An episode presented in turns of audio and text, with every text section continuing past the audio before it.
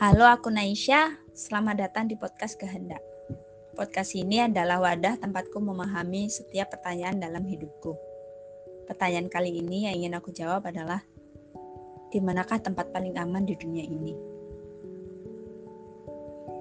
Aku pernah berada di tengah keramaian dan rasanya aman-aman saja.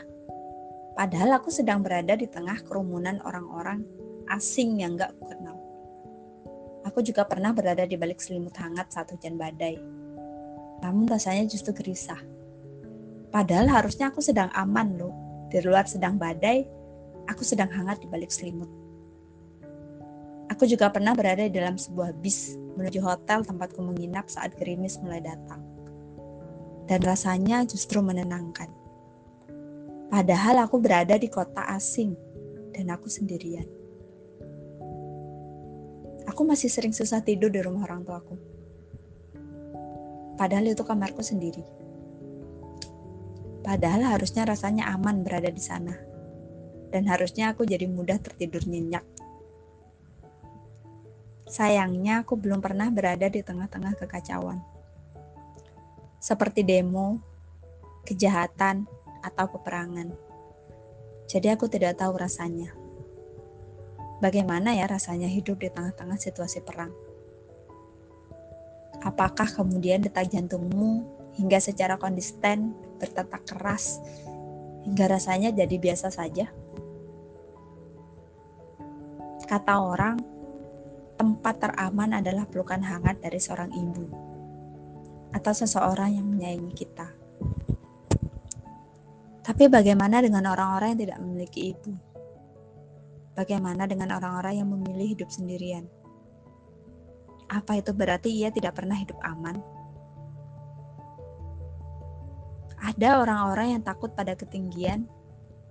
Ada juga orang-orang yang menyukai olahraga ekstrim, seperti terjun payung, naik roller coaster,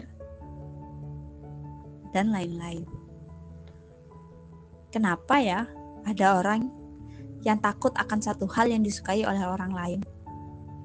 Kenapa ada orang yang selalu berusaha dalam batas aman di saat orang lain terus-menerus menantang bahaya? Apa mereka tidak punya kesadaran atas rasa aman? Atau karena sandar rasa aman mereka cukup rendah, sehingga hal-hal yang berbahaya bagi orang lain tidak terasa demikian bagi mereka?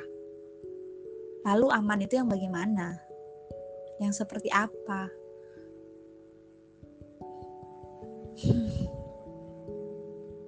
Apa aman itu tentang sudut pandang atau kepercayaan? Apa karena itu pelukan seorang teman dan pelukan orang asing terasa berbeda dan mananya tidak sama?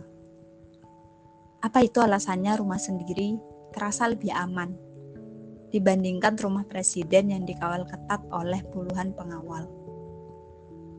Kurasa sampai kini Seringnya aku justru menemukan rasa aman di tempat-tempat asing. Aku punya insomnia, dan aku paling susah tidur di kamarku sendiri. Entah kamar di rumahku, atau di kosan. Padahal, biasanya tempat asing susah membuat kita tertidur. Tapi aku justru mudah tertidur di kamar asing loh. Hotel, rumah teman, kosan teman. Juga menyukai perjalanan. Aku suka naik bis dan segala kerempongannya. Aku suka naik pesawat dengan segala ketegang ketegangannya. Aku juga suka naik kereta dengan segala konsistensinya.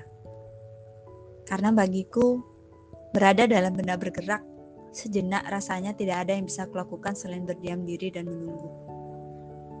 Tiba-tiba aku tidak dipaksa untuk melakukan apa pun selain menikmati perjalananku tiba, aku tidak perlu melakukan apa pun selain menikmati diamku.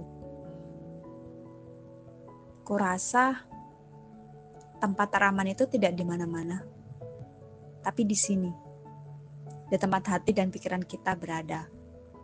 Jika kita terjebak di masa lalu, maka tempat aman itu juga terjebak sana. Terlalu mengkhawatirkan masa depan, artinya kita menaruh ketenangan kita di hari esok. Padahal hari esok tidak akan pernah datang. Hari esok ya adanya esok. ketika hari esok datang dia berubah jadi hari ini. Dia tidak akan pernah datang sebagai esok. Tapi kini. Kurasa aku masih harus banyak belajar untuk menghadirkan diriku hari ini saat ini. Agar ketenanganku juga datang saat ini.